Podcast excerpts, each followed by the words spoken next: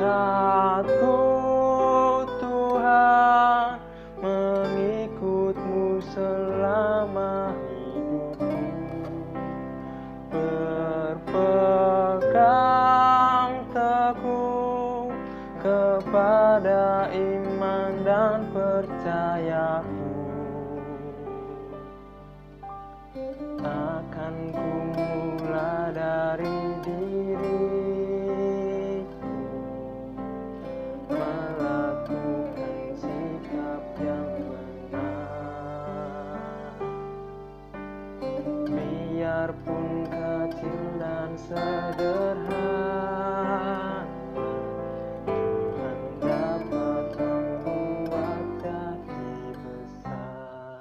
Shalom kawan muda kakek nomor yang terkasih dalam Kristus Bagaimana kabarnya hari ini?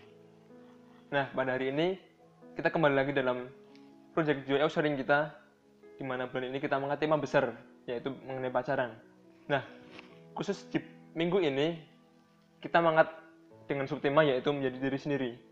Pada awal perenungan bagaimana teman-teman di dalam proyek ini menggodok subtema dan tema pada bulan Agustus ini kita terinspirasi dari lagu Kumulai dari sendiri yang sudah aku nyanyikan tadi untuk kemudian diangkat dalam subtema minggu ini.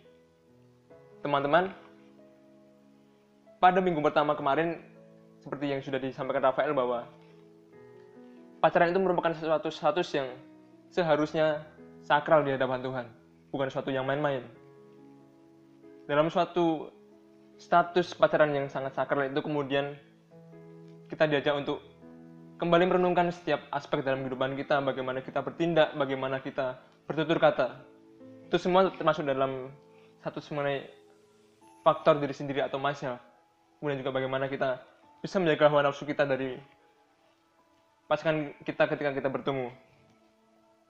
Nah, sebenarnya kodrat cinta sejati itu bukan mengenai nafsu yang membius, tapi bagaimana kita untuk saling membangun di dalam kasih Kristus Yesus. Saya ajak teman-teman untuk membaca dari 1 Tesalonika 4 ayat 3 sampai 8. 1 Tesalonika 4 ayat 3 sampai 8. Karena inilah kehendak Allah pengudusanmu, yaitu supaya kamu menjadi percabulan, supaya kamu masing-masing mengambil seorang perempuan menjadi istrimu sendiri dan hidup dalam pengudusan dan penghormatan. Bukan di dalam keinginan hawa nafsu seperti yang dibuat oleh orang-orang yang tidak mengenal Allah dan sesuai dalam hal ini, orang jangan memperlakukan saudaranya dengan tidak baik atau memperdayakannya, karena Tuhan telah membalas dari semuanya ini. Seperti yang telah kami katakan dan tegaskan dahulu kepadamu, Allah memanggil kita bukan untuk melakukan apa yang cemar, melainkan apa yang kudus. Karena itu, siapa yang menolak ini bukanlah menolak manusia, melainkan menolak Allah yang telah memberikan juga rohnya yang kudus kepada kamu.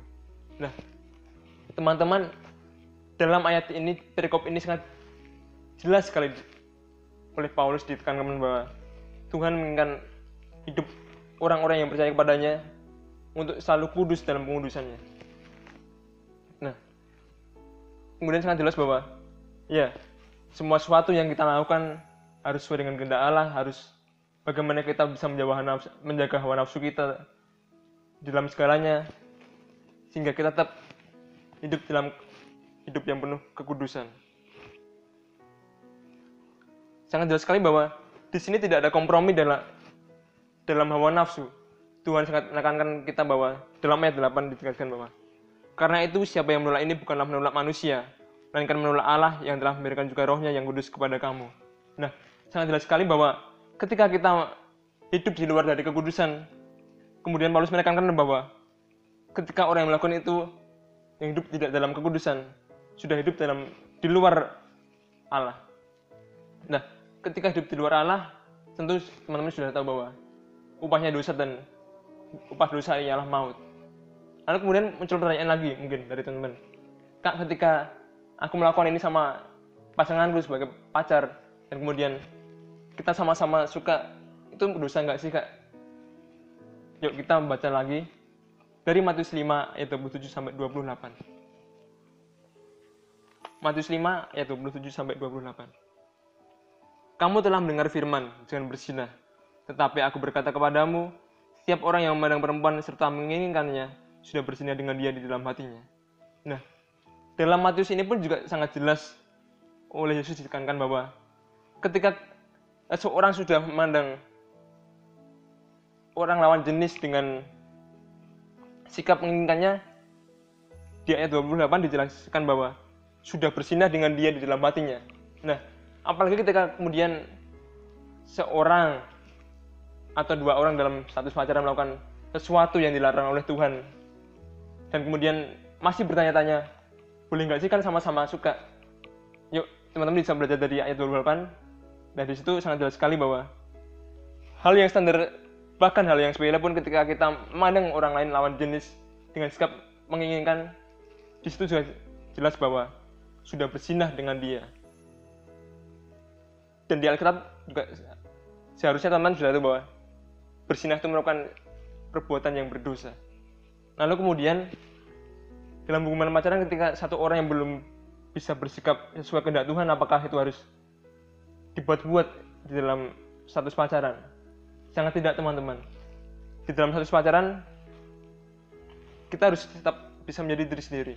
Nah yuk kita baca lagi dari Matius 5 ayat 37 Matius 5 ayat 37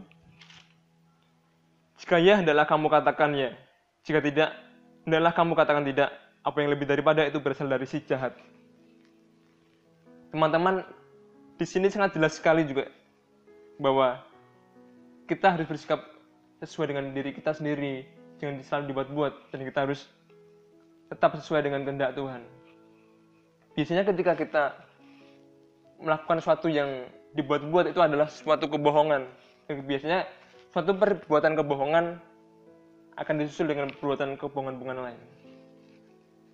Justru kuncinya yaitu cinta sejati itu bukan masalah bagaimana kita harus seolah-olah kita harus membuat diri kita seolah-olah baik dan benar di hadapan pasangan, tapi kemudian bagaimana kuncinya ialah kita mau sama-sama saling membangun, sama-sama saling bertumbuh dalam Kristus Yesus untuk tetap memulaikan dia dalam segala hal.